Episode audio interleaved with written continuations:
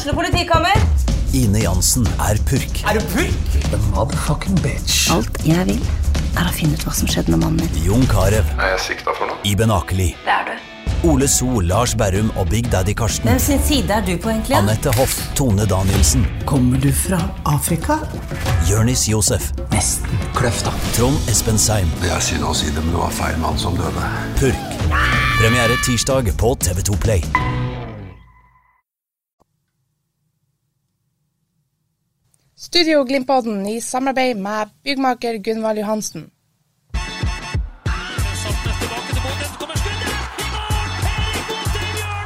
It's more difficult for us than for Bodo Blo- boys.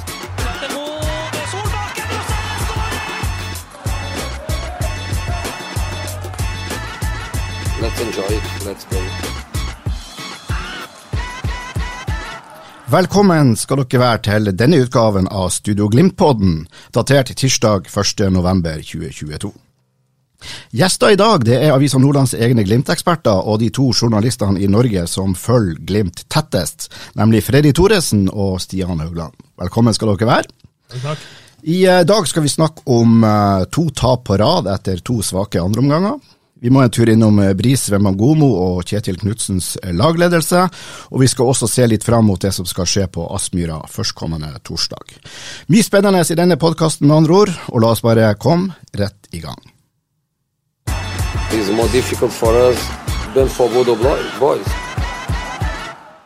Dere var jo begge to i eh, Sveits for noen få dager siden, Sveits og i Zürich, og fikk nok en gang se et Glimt-lag som taper på bortebane i Europacupen. Og Freddy først, eh, hva gikk galt, sånn som du ser det? Jeg sitter jo fortsatt og prøver å analysere hva det var jeg fikk se i eh, Sveits, på Letzigrund stadion i Zürich. Og eh, Det var et Glimt-lag som eh, var såpass svakt, så eh, noe av det svakere jeg har sett i år. I hvert fall i forhold til forventningen. Og kanskje er årsaken at uh, Patrick Berg eh, melder forfall, og at de må stokke litt om, og, og Ulrik Saltnes må være midtbanegeneral, og at uh, de kanskje ikke har fått øva så veldig mye på akkurat den delen på treningen i forkant, for kampprogrammet er jo tett, og, og det er jo mer restitusjon og den slags. Og den omstillinga til å, at det skal smelle når det bør smelle, eh, det var det vel egentlig ingen Glimt-spillere som gjorde i den kampen der. Og så var det en eh, gressbane som Det var rimelig høyt gress, og i tillegg så registrerer både Stian Høgland og jeg at den banen ble ikke vanna før kamp, den ble heller ikke vanna i pausen, og antageligvis kanskje satt på vanningsanlegget lenge etter kamp. Men eh, ballen gikk sakte og, og tregt der, så det var, det var et veldig annerledes Glimt-lag å se, og jeg sliter fortsatt med å analysere den fullt og helt. Etter kampen så var jo både Marius Høybråten og eh, Amar Pellegrino nådeløs rett og slett mot egen innsats og laget sin innsats. Hadde de spillerne hadde de noen gode svar på hvorfor det gikk sånn som det gikk? Nei, de, de, de, altså, når du spør Marius Høybråten hva han syns om det her, ræva. Det var hele analysen hennes. Og, og, og Amal sier jo at han ønsker og trodde at de var kommet lengre eh, enn en de tydeligvis var. For han, han, var, han virka nesten nesten litt sjokkskadd over hvor svak prestasjonen til Glimt var i den kampen der. Så, um, så det, noen gode svar hadde de nok ikke, men eh, og så er det jo heldigvis er ikke Glimt-spillerne så veldig ivrige på å komme med unnskyldninger. Eh, for i det øyeblikket vi begynner å nevne høyt gress, så er det en unnskyldning. Men det kan vi gjøre som var der, som ikke skulle prestere på, på feltet. For, for jeg gikk ut på gresset dagen før, eh, og jeg fikk gress over, over vrista mi. Mm. Det vil si at gresset var veldig mye høyere enn det bruker å være. Mm.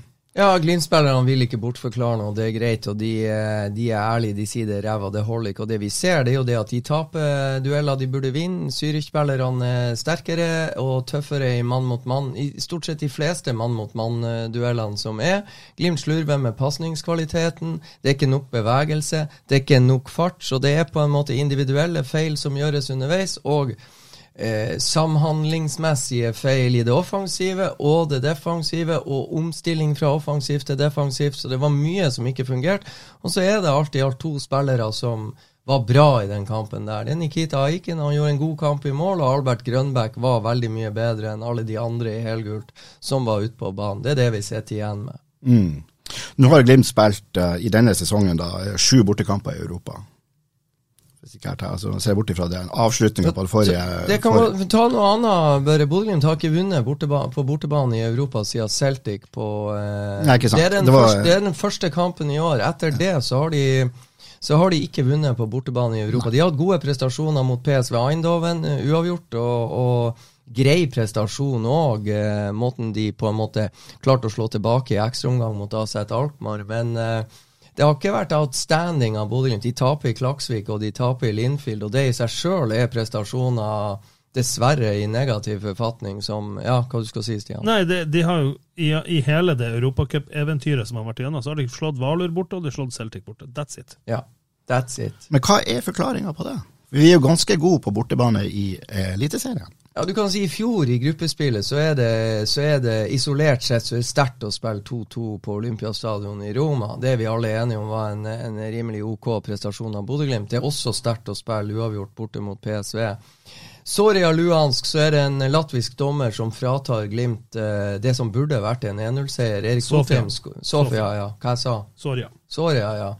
I Sofia så, så blir Glimt fratatt eh, en, eh, tre poeng og en 1-0-seier etter at Erik Botheim skårer helt i sluttfasen der, men dommeren eh, annullerer for eh, angrep på spilleren som taper duellen på bakre stolpe mot Erik Botheim. og Luhansk er vel den i fjor som jeg syns var den svakeste bortekampen. Der var det et slitent Glimt-lag som var lei av å sitte inne i eksil på et hotell i dårlig luft osv. i en by som nå er sønderbomba og den slags. Så, og, men i år har, de, har det ikke vært den samme kvaliteten, syns jeg, det Bodø-Glimt har prestert på, på bortebane i Hvis vi ser bort fra da PSV Eindhoven, som jeg syns var en godt gjennomført kamp. Men hvordan kan man forklare det? Hvorfor, hvorfor skal det være så stor forskjell på det Glimt presterer borte og hjemme? Nei, altså, nå er Europa League det er ikke bare for eh, Det er ikke bare for hvem som helst å dra på Emirates og sprudle.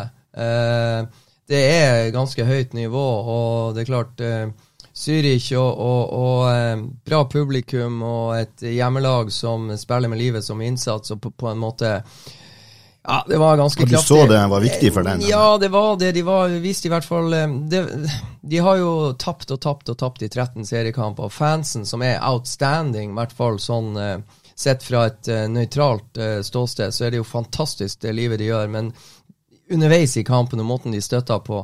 Men frem til kampstart så var det jo kraftige protester. De slår jo, rett, de slår jo bare fast at det er ingen av dere som, er, som spiller i disse draktfargene, som fortjener å ha på dere drakten vår, og aller minst treneren. du så, så de var jo på en måte pressa til å gi fansen noe, for det var klar beskjed fra de i forkant. Så det er vanskelig på bortebane. Det er ikke som å Altså Det er tøft nok på Lerkendal foran 21 275 tilskuere, men eh, det er noe annet ute i, i Europa. Det, der har Glimt vært for svak i år, sånn er det. Men det er ikke bare å gå og hente uh, seire på bortebane i Europa. Men jeg må si det, det går an å vinne over Linfield og det går an å vinne over Klaksvik, for det er ikke store, eh, store lag fra store nasjoner.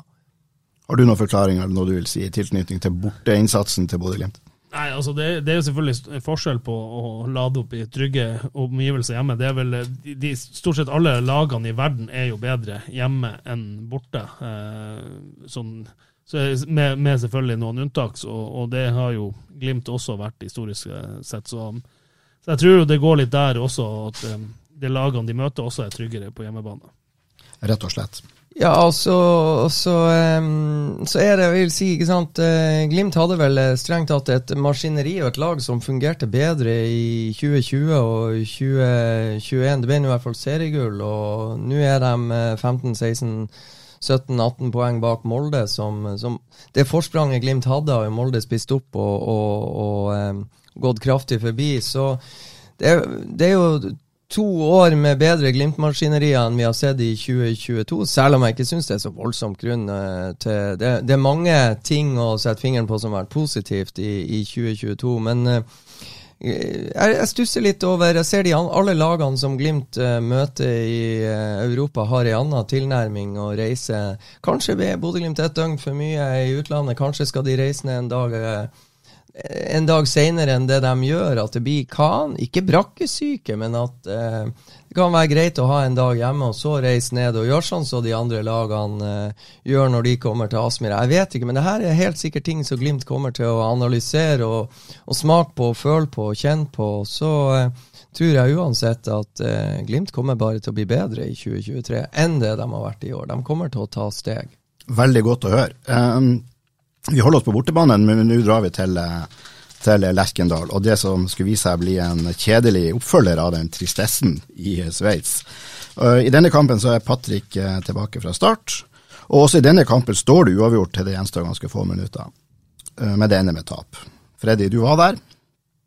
Ja, altså for det første så var det jo fantastisk å komme til Lerkendal. Og punkt én at 1100 Glimt-fans eh, har tatt turen til Lerkendal et par dager etter at en 600-700 var i Sveits og fulgte sitt kjære Bodø-Glimt. Så outstanding oppmøte av Glimt-fansen, og de jobba hardt uh, underveis. Men, eh, og det er også veldig rørende og artig at Lerkendal blir fullsatt og utsolgt for første gang på fire år bare som følge av at Bodeglimt, mektige Bodø-Glimt fra Bodø kommer på besøk. og at Trønderne beviser jo at de har teft for god fotball og god underholdning. De eh, billettene ryker ut når eh, et storlag fra nord kommer på besøk. Men det var det er en, eh, en, stadion, når den fylles og pakkes, så er det flott fans, det er flotte supportere, og kjernen jobber på høygir. og Det var magisk. Det var, det var europacupstandard over det som ble eh, servert fra Lerkendal-publikummet og Trondheim og alle som er glad i Rosenborg og fotball. Så det var en opplevelse. Men eh, kampen i seg sjøl, Bodø-Glimt var klart best før, eh, før pause. De sier sjøl de var gode i 40 minutter. Eh, det som gjør at Rosenborg får være med og leke litt de siste fem før pause, er jo et par sånn eh, feilpasninger av Glimt-spillere som gjør at det blir et visst press. Men jeg tror ikke Nikita Aiken har kanskje ett skudd fra distanse på seg fra, fra Tengstedt før pause. Det kommer rett på Nikita redder lett. Og så endrer kampen karakter i andre omgang, og Glimt-spillerne blir stressa av at Rosenborg gjør ikke så mye annet enn at de står litt høyere og er litt mer aggressive i sitt press. Og så er det Glimt-spillerne som blir feige. De tør ikke å fortsette med det de gjorde før pausa, altså at stopperne, backfireren, tar ned ballen, ruller. De blir stressa av presset. Men det som skjer når Rosenborg presser og stresser høyt, det er det at de etterlater seg rom bak, og det rommet torde ikke Glimt-spillerne. De hadde ikke tøffhet nok til å Hold ballen nede og tru Rosenborg på de rommene som de etterlot seg i sitt høye press. Og derfor fikk Enkelt forklart, Markus Henriksen står og pælmer ballen opp høyt i banen, og så står Rosenborg og trykker etter. Det er det de skaper på. Mm. Jeg vet ikke, Er du enig? Nei, jeg er helt enig. Det, jeg satt jo, Hvis du tar supporterne først, så satt jo jeg på stadion sånn at jeg satt eh, i, veldig nært Glimt-supporterne. Og det er litt artig, altså, på Intility så satt jeg klink midt imellom eh, klanen og Glimt-supporterne. Og Da hørte jeg begge veldig godt. Nå på Lerkendal så hørte jeg nesten ikke Tjern. Så det var vel, og, og jeg vet at Tjern var god. altså, i misforstå rett, altså, Glimt-supporterne var fantastisk på Lerkendal også. Altså, så det var liksom artig å, å sitte og se. Men eh, men det som du sier, Freddy, Rosenborg legger om presset litt. De skyver disse wingbackene sine litt høyere opp, så de kommer tettere på Glimt sine backer i, i utgangsposisjon i, i andre omgangen, eh, som gjør at for I første gang så lyktes jo spesielt Bris flere ganger med å dra seg fri. Han har noen, noen hodemist i første gang nå, men, men, men han, han, lykkes i veldig stor grad på å dra seg fri og spille av det første presset til Rosenborg, som gjør at da Glimt fikk flytta ballen opp. Rosenborg spiller så lavt, og da kan Glimt snu også igjen og holde ballen. For de, det, er jo, det, er jo, litt slutt på det her at man vil ha Hawaii-fotball. Mm. Altså, man vil gjerne ha lange angrep. Eh, og, Glimt ønsker lange Glimt angrep ønsker for, å, angrep. for, å, få motstanderen til å bli utålmodig i sitt press, for de ligger i dette, dette jerngrepet og stenger. Så, så, jo lengre Glimt klarer å holde ballen, jo mer utålmodig blir eh, motstanderen, og det er det de ønsker. Det stresser de mange ganger. Helt rett, Stian. Fortsett. Nei da, det var, du sa akkurat de ordene jeg sa satt og skulle prøve å få frem her, så du sa det sikkert på en mye bedre måte enn jeg Nei, garantert ikke. men, men for, for, meg som så det på TV, uh, så virka det som om, på kroppsspråk i alle fall, at denne kampen var hakket viktigere for Rosenborg-spillerne enn de var for Glimt-spillerne. Ja, kanskje på kroppsspråk, men jeg, jeg satt på stadion og så. Jeg syns eh, Glimt Altså, det, det er enkelt Um, Det er egentlig enkelt å forklare hva jeg så, hva jeg tror Stian så. Altså, Løsninga på det Stian forklarer at uh, Rosenborg gjør, det er jo bare å løfte opp direkte litt mot Ola Solbakken eller Amahl Pellegrino. Men da må de være enige om det, ikke sant? for da kan de løfte ballen litt direkte opp på en av For det er jo rom bak når når eh, eh, Tagseth og hvem det er på eh, høyre så- Kornik, Leo Kornik. Leo Kornik støter opp på backene til Bodø-Glimt, så etterlater de seg rom bak. og Da kan Glimt være litt mer direkte og løfte opp mot Ola Solbakken og Amahl Pellegrino. Hvis de klarer å ta vare på den pasninga de da får, så har jo Glimt vendt, og, og da kan de legge tilbake på rettvendt indreløper Hugo Vetlesen eller Albert Grønbæk. Og hvis de får ballen i de posisjonene der, så kan det gå steike fort i svingene, og da kan Rosenborg faktisk sette sett sjakkmatt. Så løsninga på de utfordringene Rosenborg kasta på Bodø-Glimt, kan være ganske enkel. Men i stedet så blir Glimt-spillerne litt feige. De ruller tilbake til Nikita Haikin, som slår rett opp mot Runar Espejord. Eh, Henriksen vinner den greit. Og Rosenborg får legge press mot seg. Altså Bodø-Glimt får ballen tilbake i trynet like fort som Nikita Aiken pælmer han vekk. Så Det ble ikke bedre etter at Salvesen kom inn heller. Han mista ballen like, like han lett gjorde det, og det er da det kan være greit å vinkle ut mot en av kantspillerne. Nå er jo ikke Amahl Pellegrino den største og sterkeste på å stå og ta imot sånn, men, men hvis de får snakka litt og diskutert at dette kan være en løsning når motstanderen gjør sånn, og de får øva litt på det, så tror jeg alle er mye mer Det kan òg være at Hugo Vetlesen tar rommet bak, eller Albert Grønbæk tar rommet bak som Cornic og Tagseth da etterlot seg for å støte opp i Glimt sine backer. Rom vil oppstå uansett, og Glimt har fottrappet folk til å posisjonere seg deretter. Og det var det de ikke torde. Og så er det en ting, en ting. Når Rosenborg utligner til 2-2, så kommer egentlig nyheten om at Odd har tatt ledelse mot Lillestrøm med en gang. Og da s- spretter Kjetil Rekdal opp. Jeg, satt, jeg fulgte med litt på benken. for Kjetil Rekdal er Norges største taktiker og sikkert kyniker, og, og det er ikke vondt ment. Eh, Han, han, eh, han spretter opp fra benken, roper til Per Siljan, han roper til Markus Henrik, stå i ramma. For Rosenborg er da kok fornøyd med 2-2. De er kjempefornøyd med å klare 2-2, for da vet de at de har det. For, for Rosenborg, ja, selvfølgelig vil bli nummer to, men det viktigste er topp tre. viktigste Mm. er den europacupkvaliken. Om de blir to eller tre, er ikke, har ikke så mye å se- så det ut som. Eh, For, Ja, det er helt rett for, for. Rosenborg stormer i angrep eh, hele veien, også på 1-1. Stormer i angrep, eh, går med mye folk, og så kommer 1-0 til Odd. Og da får de beskjed stå igjen, og så og skjer det jo selvfølgelig en, en, en hjernemiss som gjør at, at Glimt det, mister. det sto jo også eh, 2-2 da eh, Odd gikk opp til 2-0. Og eh, Rekdal ropte jo dette ut, det hørte vi jo fint på TV. Han var jo veldig snart å å- å rope ut dette er vi, dette er, Nå er vi fornøyd, gutta. Ja. Ja, han gjør også et stoppebytte. Han tar, inn, tar ut en offensiv spiller og setter inn en ekstra stopper, gjør han ikke det? Jo, de, de legger om til en firer bak, da. Ja. eh, og, Og og, og, og da setter de inn det som eh, jeg hører fra Trondheim de mener er den beste forsvareren. Han eh, Renson, argentineren, er den beste forsvareren de har, så, Mm. men han er ikke den beste med ball.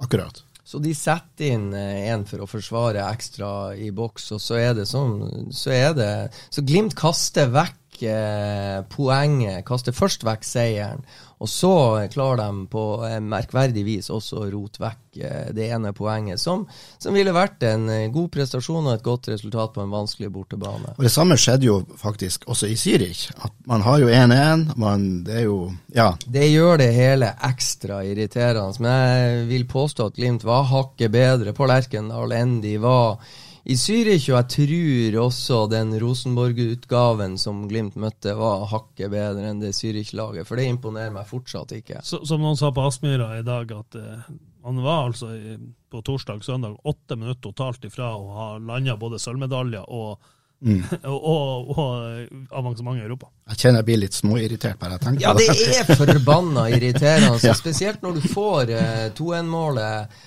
På den måten Hugo Vetlesen skårer 2-1, så sitter jeg fortsatt og er kokforbanna over hvordan går det an å slippe inn et mål ett minutt etterpå. Og Også det er en sånn skåring som er så tilfeldig at jeg ja, spyr. Men eh, etter kampen i, eh, på Lerkendal så blir eh, Ola Solbakken intervjua av Nidaros, og det er et intervju som du også kan lese på n.no, selvfølgelig. Og der forteller han jo annet at han kanskje kan tenke seg til å returnere til Trondheim og RBK mot slutten av karrieren. Men det som fikk meg til å reagere i det intervjuet, det er når han sier at sitat, vi tapte 3-2, men dette var artig. Ja, da tror jeg han tenker på at det er artig at det er en kamp altså rammer rundt med, med 21 250 tilskuere. Og, og, jeg tror ikke han syntes det var artig å tape kampen. Nei. Eh, og, men, men, samtidig så har jo også Patrick Berg eh, har jo sagt flere ganger om, om vi vinner eller taper, det, det, bryr jeg meg ikke så mye om så lenge vi har en god prestasjon. Det har han Mm. jo sagt. Så, så, men, men at okay, Ola, ja. Ola syns nok ikke det var artig å tape. Jeg tror nok 100% han som alle andre snakker om ramma rundt kampen, for det var artig. Ja, det var, det var, det var også flere, flere Glimt-spillere som, eh, som syntes det var en, en artig opplevelse, og at de, de snakker litt om verdien for norsk fotball. At eh, 21 275 tilskuere kan komme på en eliteseriekamp. Og, og eh, til og med Rosenborg-spillerne syns jo det var artig at Bodø-Glimt trakk så mye tilskuere, altså, sammenlignet med Molde, som kom på Lerkendal og bare trakk 14 000. Så Da tolker vi Ola i beste mening, og så var det ikke artig å tape, men det var bare rett og slett en artig eh, kampopplevelse. Ja, jeg syns det er bra, Børre, at du er på hugget der og skal ta Ola litt. Grann. Det- Jeg bare, jeg, bare, ja, jeg bare reagerte litt på det der med Ja, at det skulle det være så herlig. artig, for jeg Ja. syns faktisk ikke det var artig i det hele tatt, men så spilte nå ikke jeg den kampen. Eh, vi skal videre i eh, programmet, og nå skal det handle litt om han som veldig mange mener ikke bør få starte én eneste kamp til. Studio Glimpodden i samarbeid med byggmaker Gunvald Johansen.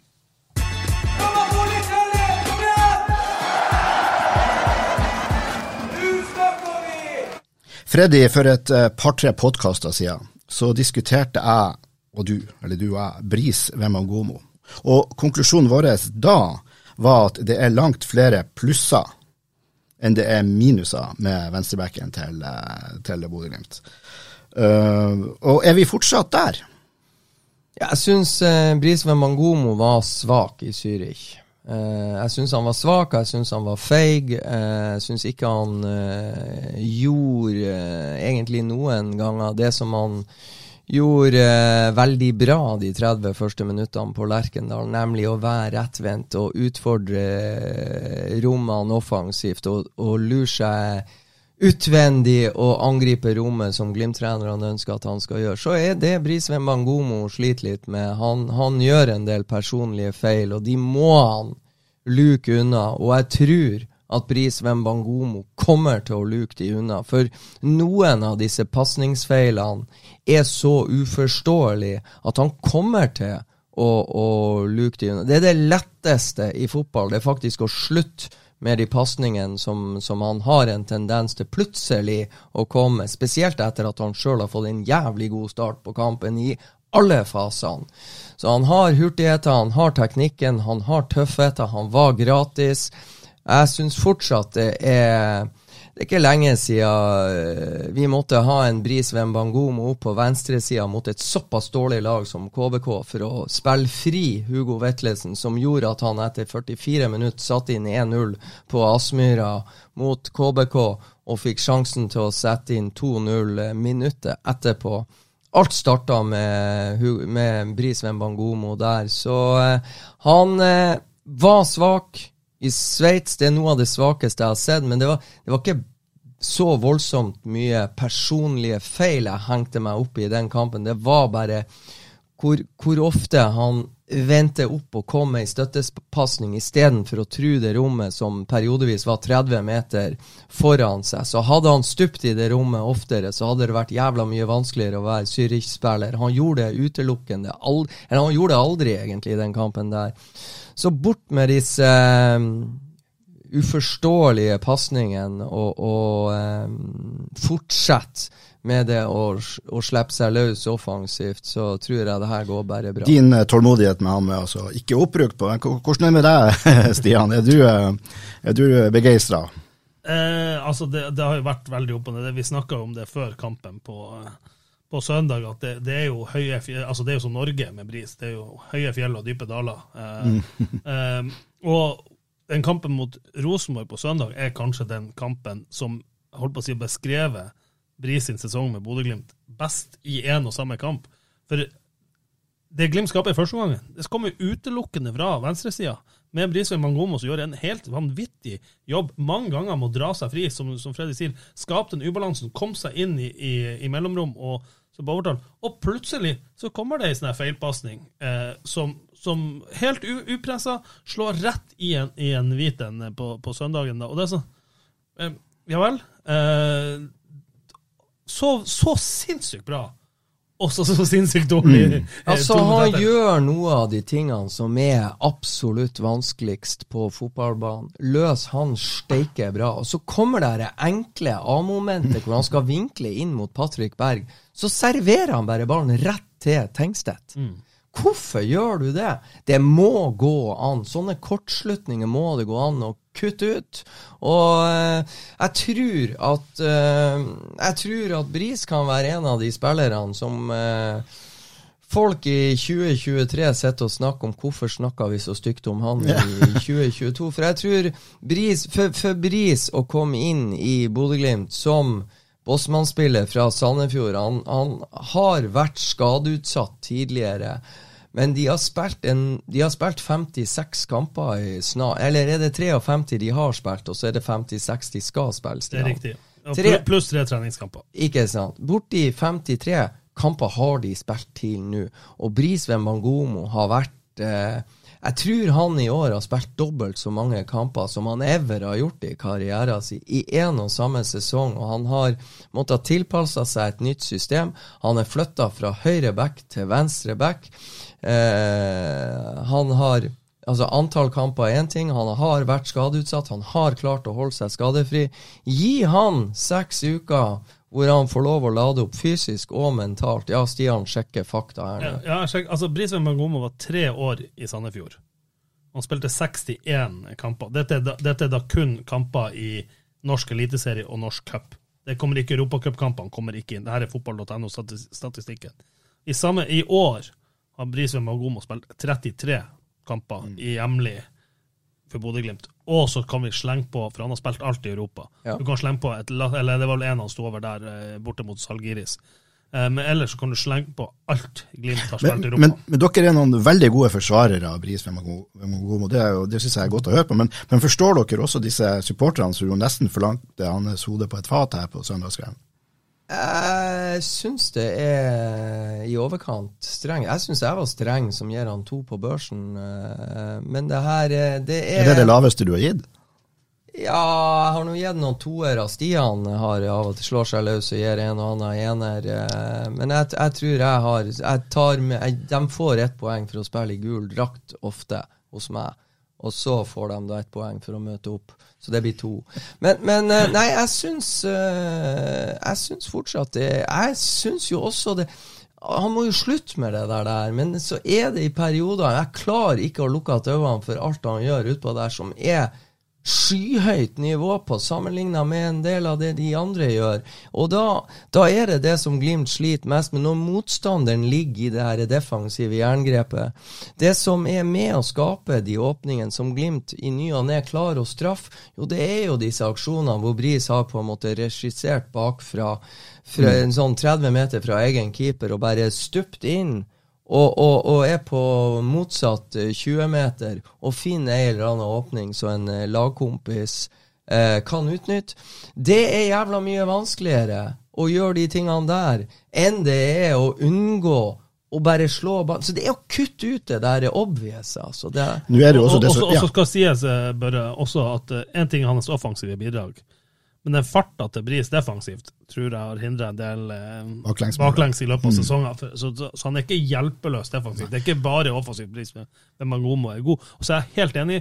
Eh, han har hatt noen hjerneblødninger eh, som, som, er, som er stygge, eh, og som vises ekstremt godt, som man eh, må få lagt fra seg. Så for eksempel det, det, altså det siste som skjer omtrent på Lerkendal, er han, han er veldig sterkt involvert i det, i det 3-2-målet til, til uh, Rosenborg. Ja. Og det er kanskje psykologien din der, at det, er det etterlatte inntrykket av den kampen er at jo, det er én spiller som gjør en feil, og derfor taper vi. Så enkelt er det jo heldigvis ikke. Det, det, og risikovurderinga. Når skal han gjøre den dragninga? Når skal han ikke gjøre den?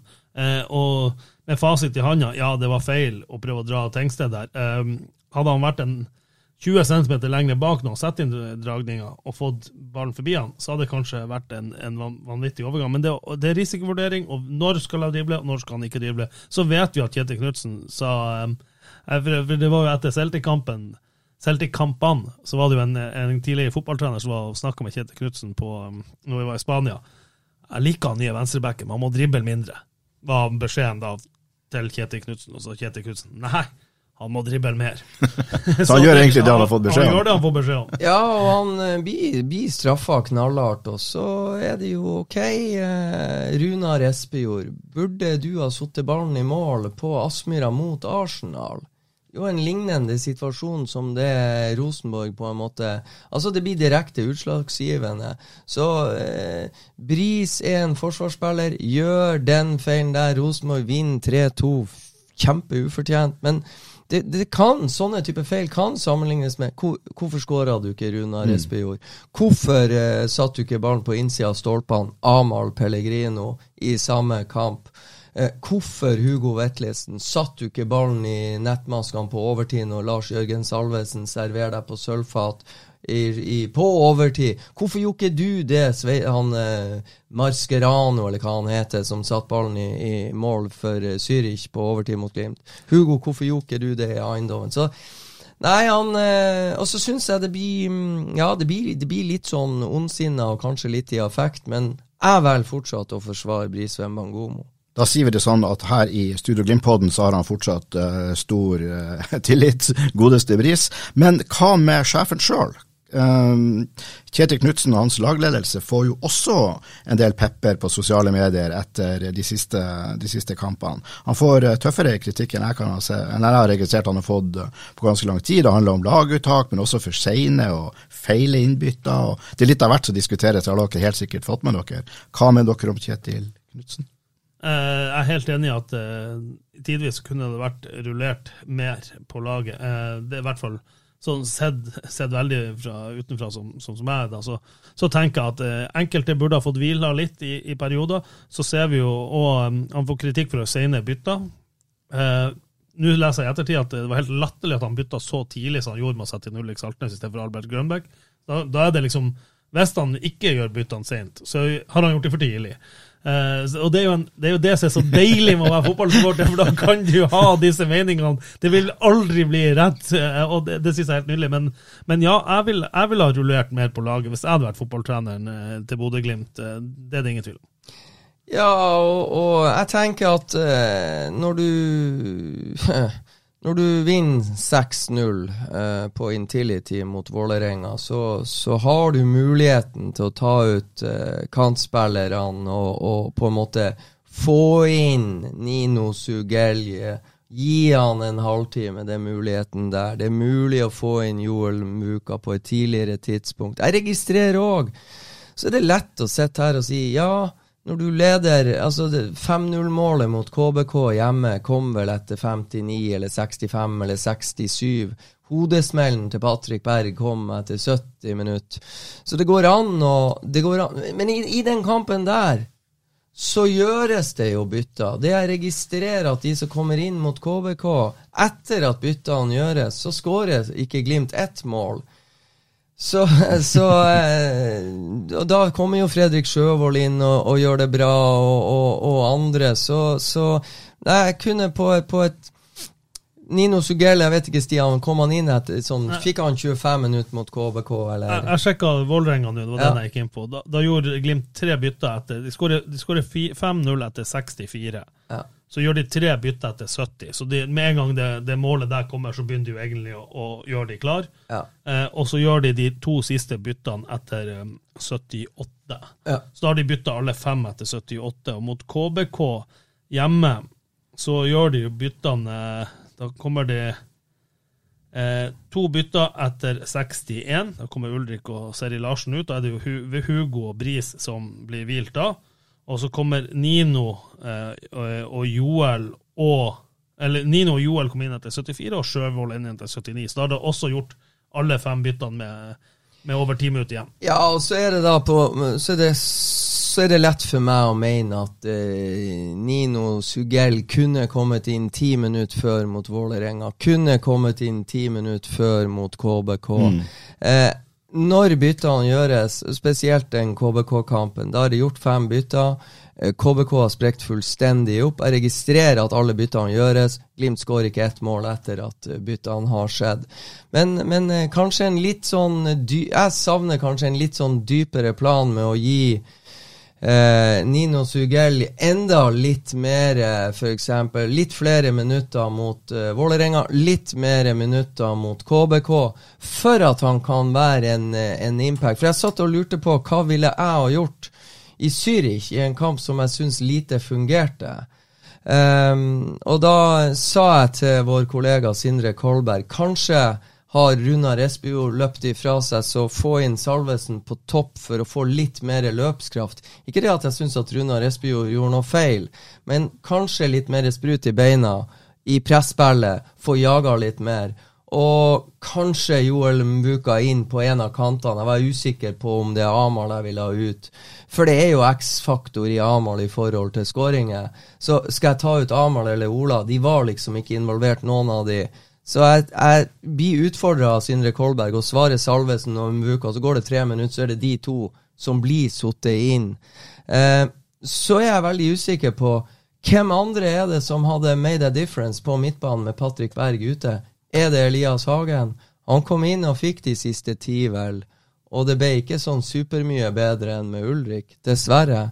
Eh, så Men hvis seriekampene brukes til å gi dem litt mer, og litt mer bevisst, så kanskje det er lettere for meg å gjette meg til, og kanskje også spillerne som kommer inn når man er avhengig av å snu ting eh, ute i Europa, eh, mer til stede. Så må også si sånn som Nino, han var jo skadd mot Vålerenga, han var jo ikke med i troppen. Eh, Mm. Altså, sånn, så, så, så, Da har du jo forklaringa på hvorfor han ikke kom inn tidligere. ja, nemlig. Nei, men, men clouet er jo at det er jo også ei vurdering. Sånn. Ja. Når han ene uka ikke kan være med i tropp, så det er ikke nødvendigvis at du får en halvtime uka etterpå. Det, det kan godt hende at han var akkurat klarert. At, Mm. det, altså, det, sånne ting vet ikke vi, i hvert fall ikke jeg bestandig. Og, men eh, men eh, tidligere bytter, ja. Og, og så er det jo eh, Det er jo ikke kamper mot Vålerenga og KBK som nå leder 6-0 og 5-0. Det er jo ikke der man henger seg opp i byttene. Det er jo som, som du snakker om nå, Fredrik, sånn, på 1-1 mot Zürich.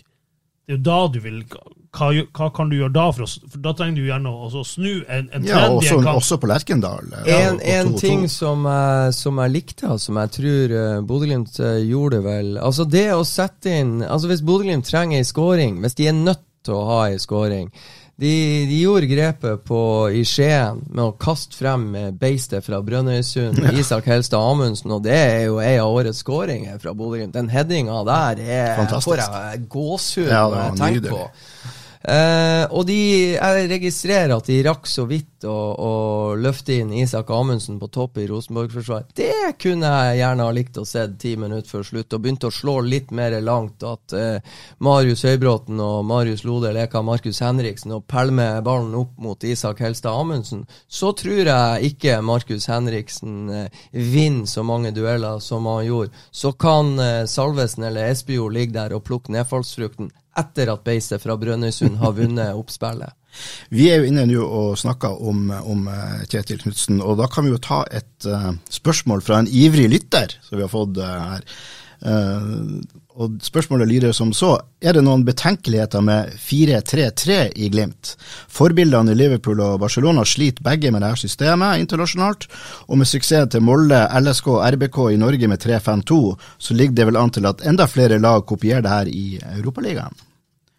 Ja, det, jeg, tror, jeg tror 352 er et system som, eh, som kommer mer og mer og mer i, i fotballen etter hvert som man utvikler. Og ja, det, mm, jeg tror det skal bannes høyt både i Bodø domkirke og oppe i lokalene på Aspmyra, for Glimt eh, går vekk fra 4-3-3. Men, men at Glimt eh, med de, de, de stopperessursene Bodø-Glimt har, eh, PT, eh, har vært inne på tanken på, på å Kan dette være noe for oss? Det tror jeg nok de har vært, og så tipper jeg også den tanken fort slås vekk, for jeg tror Bodø-Glimt blir spilt spille 4-3-3 også til neste år. Ja, altså, jeg, jeg tror som Stian òg, jeg, jeg har tygd litt på det der sjøl. Og Jeg forventer at uh, trenerteamet til Bodø-Glimt uh, Det er mange kloke hoder der. Jeg tipper de diskuterer det. Uh, jeg skulle gjerne ha likt å visst hva de konkluderer med. Men jeg, jeg, tror de smaker på det. Jeg tror de vurderer og ser og analyserer opp og ned. Og så jeg er like spent som alle andre om Bodø-Glimt i oppkjøringa til 2023 gjør som Molde, altså legger helt om. Men igjen så tror jeg det at uh, når jeg analyserer de spillerne jeg er enig i, som Stian sier, uh, Glimt har, har, stopperessurser, så de kan på en måte legge om til tre bak og, ha, og få plass til tre veldig gode stoppere. Men jeg er ikke like sikker på at uh, Molde, en, av, en, av, de tingene Molde har lykkes med, er jo det at Molde er mye kjedeligere å se på i år enn i fjor. De ligger og spiller litt ræva-fotball og nekter motstanderen rom. Men så det er en grunn til at de lykkes og, og vinner Eliteserien så steike suverent. De har en del typer som er i stand til å skape mye ut av lite. Magnus Wolff Eikrem er den ene. Han har et fantastisk hovmesterblikk og er en en utrolig god regissør og, og, og slår døråpnerpasninger.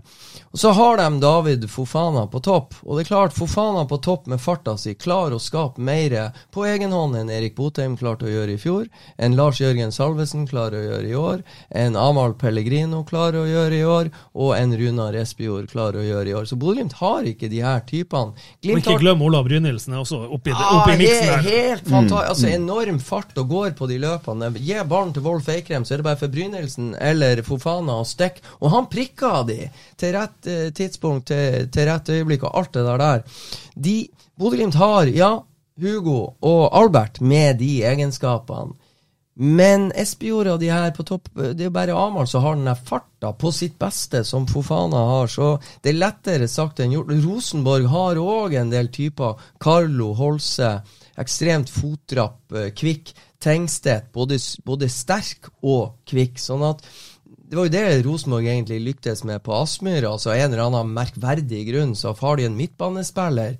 Jeg blir så irritert når jeg tenker på det. Han, har skåra to mål i år, og begge to er sånn der eh, skudd, vådeskudd fra 20 meter på øverste hylle i krysset på Aspmyra. Siden da har jo ikke Børkeie skåra. Det verste jeg oppdaga nå etter Lerkendal, du må sjekke Stian, men jeg tror faktisk Carlo Holse øker antall skåringer i Eliteserien i år fra én til tre med å skåre to mål på Bodø-Glimt. bare på sånne... Han er jo assistkongen i, i ja, men Hvorfor i svarte skal han begynne å pakke ballen i mål, da? Ja, nei, men det, det, det bare forteller meg hvor tilfeldig det er. Men, men, litt tilbake til uh, lytterspørsmålet. Uh, vi er ikke der at vi tror Kjetil Knutsen på en måte sier at nei, uh, jeg gjør ingenting annet enn 4-3-3. Han, han, kan snu på dette, han kan utvikle Glimt i, et annet system. Nå, røper jo ikke du hvem det var som sendte lytterspørsmålet, det skal vi holde oss for gode til. Men jeg kan jo følge opp med ei tekstmelding fra en kjær lytter som heter eh, Per2 Angel fra TV 2. Eh, jeg tenker at Glimt eh, er blitt mer sårbare, særlig med høyrebeint venstreback. Risikoen blir for høy i oppspillsfasen. Skulle også likt å se en Isak Amundsen med unike kvaliteter nå som Patrick er tilbake. Blir litt forutsigbart i perioder nå. Det er hans oppfølging til det vi diskuterer live her. Det er fiffig. Jo, det var fiffig. Hva tenker du, Stian?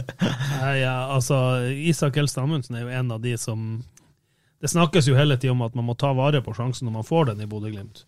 Eh, Isak Helst Amundsen må vel kunne si i aller høyeste grad tok vare på sjansen han fikk til Bodø-Glimt. Likevel så har han røkket ut og, og ikke spilt på, på, kjempelenge. og det Jeg skulle gjerne ha sett mer av Isak Helst Amundsen. Han har én utfordring, eh, hvor Brede og Lode, og ikke minst Marius Høybråten, er noen hakk foran han. Det er når det kommer inn et legg bak ryggen hans. Da er ofte Isak Helst Amundsen uh, hadde litt sånn tendens at han havner på etterskudd. Uh, hvor, hvor, men det, det, er sånn som kommer, gjerne med rutine. Å mm. få vært i situasjonen nok mange ganger. Eh, så, så, at Isak For han, altså, han er, så, du kaller han beistet fra Brønnøysund. Eh, altså, han har jo alle forutsetninger til, til, å, til å, gjøre den jobben. Men der har han hatt litt, litt, å gå på. Vet han at dere kaller han for beistet fra Brønnøysund? Ja, liker da, han vi har sjekka. Han, han syns han, den, den, han, han, liker den bedre og bedre. Han liker den bedre og bedre, ja. ja. Studio Glimpodden i samarbeid med byggmaker Gunvald Johansen. Saltnes tilbake til Bodø. Så kommer skuddet! I mål! Erik Botheim gjør det! Men da legger vi de siste tapene og den smådårlige tapsstemninga vekk, og så konsentrerer vi oss om noe som fortsatt kan bli veldig artig og veldig spennende, nemlig kampen mot eh, PSV på torsdag. Og dere har uh, i dag vært, begge to vært og sett på uh, treninga til Glimt. Bare, Nei, bare, bare, han- bare Stian. Bare han Stian. Jeg satt og forberedte meg for at Børre Arntzen skulle være programleder. Ja, fornuftig. Så jeg satt og grua meg. for Riktig, det kommer så riktig, helt riktig, riktig prioritert. Men Stian, du har vært på trening. Er det noe å melde derfra? Uh, ja, uh, det var jo en mann som ble skadd eh, mot Zürich, og det så alvorlig ut, Brede Mo. Han eh, var ikke med på spilledelen i dag. Det var, så ingen, jeg så ikke én av spillerne som spilte mot Rosenborg, annet enn eh, oppe i lønn, eller frokosten før treninga. Eh, men eh, med reservene var ute og trente. Og da hadde Brede Først varma han opp et par runder med fysio Bobby Scarborough. Og så var det ekstremt mye hurtigløping, det var løping med vendinger, snurring rundt, og, han så Brede så veldig, veldig bra ut. Så jeg tror ikke vi har sett Brede Moe for siste gang i år, og kanskje allerede på torsdag så, så er han på plass igjen. Hvordan ser dere på muligheten Glimt har for å få noe ut av dette møtet? Med storlaget, må vi jo kunne si, fra Eindhoven. Freddy først. Ja, så ehm, Jeg trodde PSV var på, på nedtur når jeg så at de tapte 4-2 borte mot Gråningen. Et Gråningen-lag som har stinka big time etter at eh, han eh, spissen fra Sarpsborg forsvant til spansk fotball. Men Gråningen klarte å slå PSV 4-2. Og så tenkte jeg nå er det nedoverbakke for uh, van Nistelrooy og gutta. Så svarer de på tiltale med å vinne 2-0 over Arsenal. Det er imponerende. Så de vant vel 3-0 veldig greit hjemme i helga, og det er et steike godt lag som kommer på besøk til Aspmyra. Men jeg håper Jeg syns det er en stund siden det har svinga over Bodø-Glimt i uh, dette gruppespillet. Det fikk ei steike god åpning borte mot PSV og spille 1-1 på en vanskelig bortebane. Det var sterkt. Ja, det var sterkt, og, og ikke minst de ble bedre og bedre utover i den kampen, og, og du så at eh, Altså, der vendte hjemmefansen seg imot PSV underveis, og de er tyvheldige at ikke Hugo Vetlesen eh, setter inn 2-1 på slutten der. Og så følger de opp med en, en kamp hvor i perioder er ganske bra mot Zürich, men Glimt er jo faktisk heldig så vinner 2-1 den kampen der, så ærlig må vi være. Zürich fikk vaska frem sjansene nok til å skåre to mål. Det ble med det ene. Og etter det så har det vært litt sånn stusslig, altså. Uh, det har ikke svinga, Bodø-Glimt. To tap mot Arsenal, og nå tap på Letzegrunn mot, uh, mot uh, Zürich. Så jeg håper at Glimt tar ut det siste i, Europa, i, i gruppespillet her, og, og gir 8000 Glimt-tilhengere eh, den kampen de fortjener. Eh, foran et utsolgt Aspmyra. Så jeg håper de, de klarer å riste av seg, på en måte ta ut hevn etter to eh, bitre, sure tap, hvor de har lagt ned en grei innsats, men ikke sitter igjen med noen ting. Men at de sørger for at både fans og dem sjøl sitter igjen med en god følelse i garderoben etter at PSV har vært på besøk. Er du også der, Stian? Eh, Jeg var veldig sånn eh, Jeg var sånn Bør Glimt gamble på at eh, Arsenal tar poeng mot Zürich? For det holder jo altså Hvis, hvis Arsenal spiller 1-1, så må Glimt ta opp 6 eller 7-0 mot PSV for, at, for å ryke ut. Bør Glimt spare spillere på torsdag for å være mest mulig forberedt mot Viking, for det er en ekstremt viktig kamp på søndag også. Men så begynner jeg å tenke eh, For det, det er en forskjell på 6-7 millioner på å bli nummer to eller tre i ligaen. Det er ganske mye penger. Mm. Men det er også fem millioner grunner til å slå, slå PSV på torsdag. Mm. For Det betyr faktisk fem millioner rett cash i premiepenger mot PSV. Og så er det liksom, hva tenker PSV? Er de som, altså de vet at hvis, de slår Bodø-Glimt og Arsenal roter vekk poeng mot Zürich, så vinner PSV gruppa. Men tenker de også at det toget er gått? Kommer de opp hit og tenker at ok, kunstgress, Nord-Norge, eh, kaldt skal, vi, skal de spare spillere og satse på å bare få et resultat? Eh, Og de har eh, storkamp mot Ajax på søndag. Nemlig, ikke sant?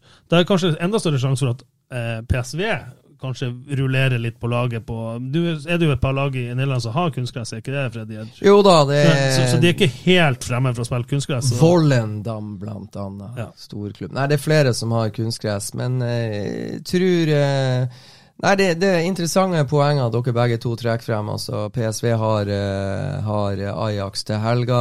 De har mer eller mindre ikke sant, Stian, sikra seg andreplassen. Ja, det, den er sikra. Ja, sant. An andreplassen er sikra, de er De kan bare rykke opp. Ja. Ruud van Nistelrooy er vel ikke dummere enn at han vet at Arsenal slår Zürich. Så, så uh, Nei, det blir veldig interessant. Og, og så tenker jeg det at hvis, hvis Glimt fyre på alle sylindere og sørge for å få en god prestasjon og kose seg utpå der mot et godt lag og 8000 tilskuere på kamp, så kommer de til å seile gjennom de to siste eh, seriekampene mot Viking og Strømsgodset bare på opplevelsen av å slå storklubben PSV Eindhoven hjemme på Aspmyra, og ikke minst den uh, støtta de kommer til å få fra publikum underveis hvis uh, kampbildet blir som vi håper. Det er jo sånn nå at uh, i denne gruppa så er det jo faktisk veldig spennende, for alle fire lagene kan jo uh, avansere her. Uh, altså, til og med Zürich de vant jo også seriekampen etter at de hadde slått Glimt. Ja, 1-0 mot Sion. Målskårer Jonathan Okik. Okita. Ja, de, Kødden de, som satt ballen i tverrliggeren, og så skåra de på returen.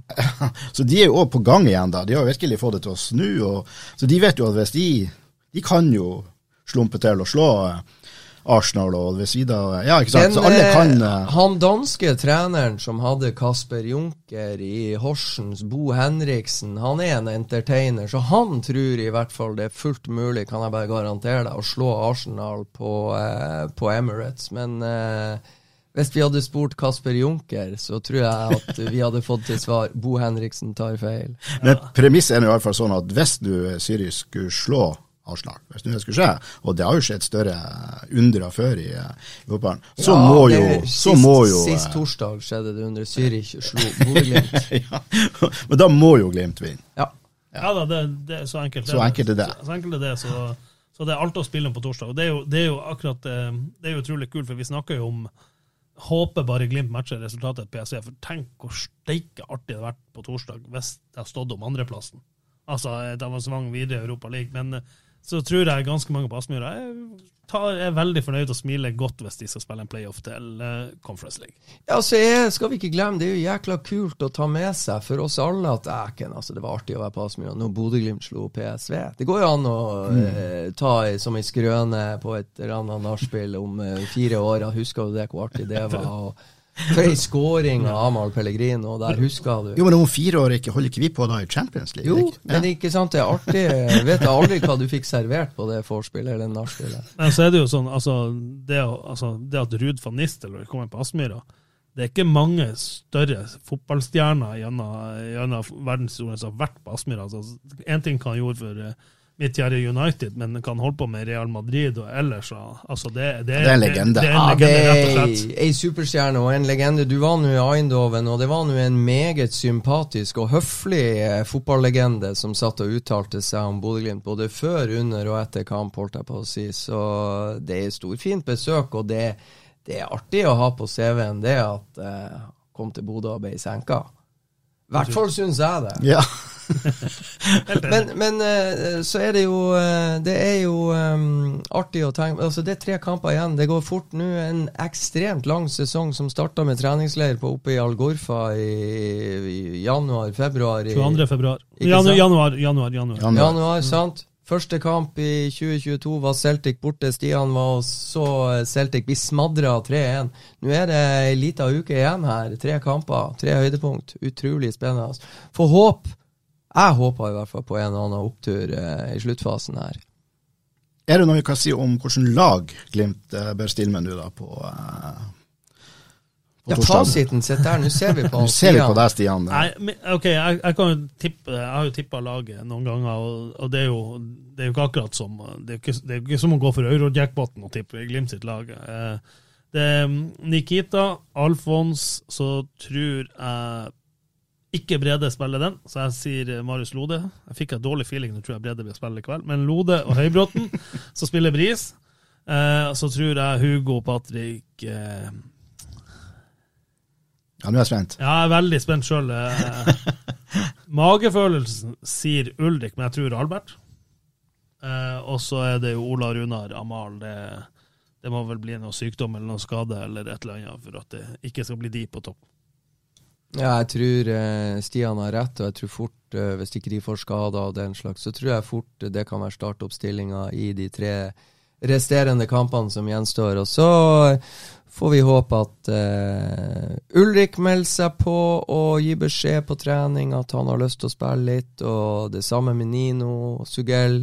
Det samme med Isak Amundsen. Det samme med Bredemo. Joel Muka, ja. At, at, noen av de uh, bytter på topp, uh, blir vel å skje uansett. Men jeg syns Runar Espejord har sett frisk ut og pigg ut. og er mer bevegelig og har på en måte gjort spissplassen til sin. Men eh, nei, det blir uhyre spennende de tre kampene som gjenstår. Vi gjorde jo, eller Glimt gjorde jo sterkt borte mot, eh, mot PSV. Det var, en, det var en sterk prestasjon. Kunne eller burde jo egentlig ha vunnet. Uh, det, det, noen antyder at det kanskje hang litt sammen med at de ikke ble nok en gang ikke helt tatt på alvor av, av hele PSV-troppen. Sånn vil det vel ikke være nå. Nå kommer PSV her med den største respekt, og, og og vil være, vil være på, sitt, eh, på, sitt, beste, med mindre ikke de sparer spillere til Ajax-oppgjøret i Amsterdam på søndag. Ja, Da bør det i så fall være komme inn en eller ti nye spillere som har ekstremt lyst til å vise at de også burde spille mot Ajax. Mm.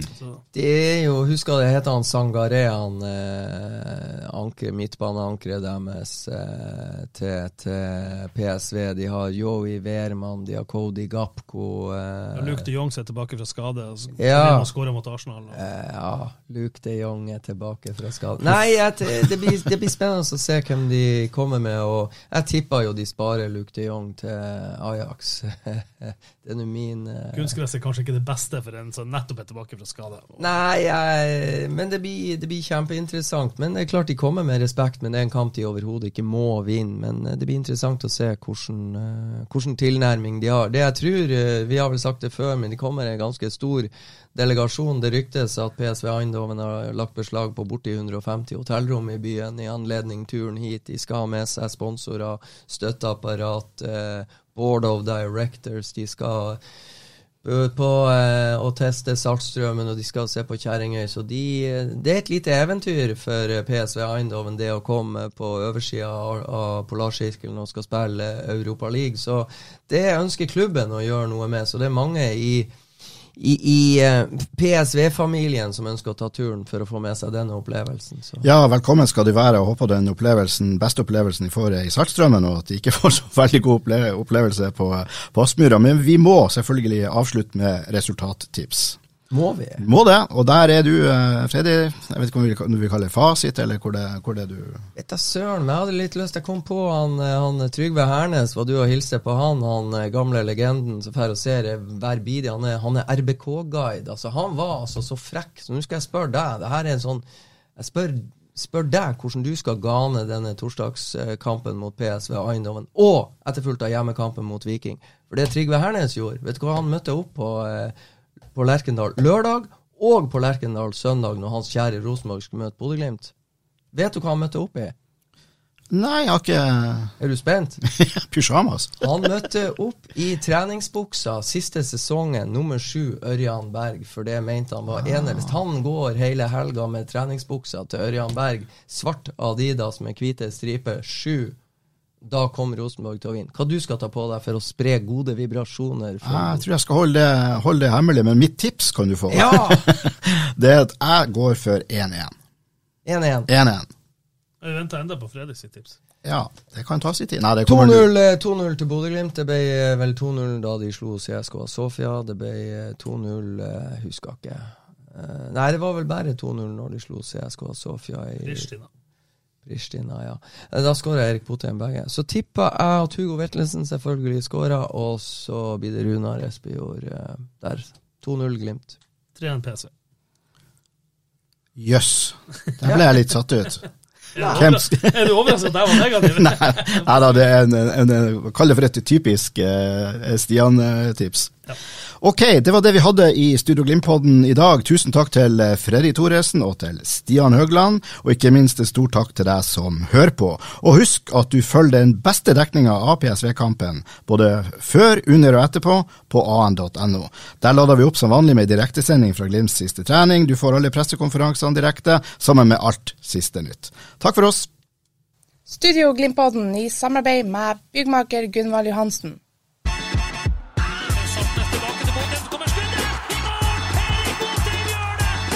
Difficult for us than for Bodo boys.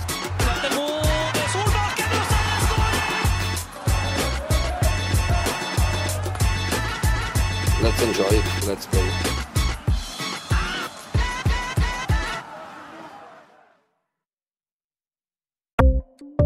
Ukens annonsør er HelloFresh. HelloFresh er verdens ledende matkasseleverandør og kan være redningen i en travel hverdag. Mange av oss har nok vandret i butikken både sultne og uten en plan for middagen, som ender med at vi går for de samme kjedelige rettene gang på gang. Middag burde være dagens høydepunkt. Som HelloFresh kan du nå velge mellom 25 ulike retter hver eneste uke, eller få HelloFresh til å sette sammen menyen for deg. Dette gir deg muligheten til å prøve nye og spennende retter alene eller sammen med familien. Du velger antall porsjoner og får alt levert på døren på et tidspunkt som passer for deg. Oppskriftene er enkle, og maten er lett å lage både for store og for små. Ved å få alt levert hjem får du også mer tid til å dele matgleden med familie og venner. Kanskje det frister med asiatiske tacos eller greskinspirert kylling? Da kan jeg anbefale deg om å gå inn på hellofresh.no. Her kan du bruke koden FOTBALL og få opptil 1779 kroner i rabatt på de første fem matkastene hvis du ikke har prøvd HelloFresh tidligere. Du kan også bruke rabatten hvis du har vært kunde og stoppet abonnementet ditt for tolv måneder siden eller lengre. Gå inn på hellofresh.no og bruk koden FOTBALL. Har du et enkeltpersonforetak eller en liten bedrift? Da er du sikkert lei av å høre meg snakke om hvor enkelt det er med kvitteringer og bilag i fiken, så vi eh, gir oss her, vi. Fordi vi liker enkelt. Fiken superenkelt regnskap.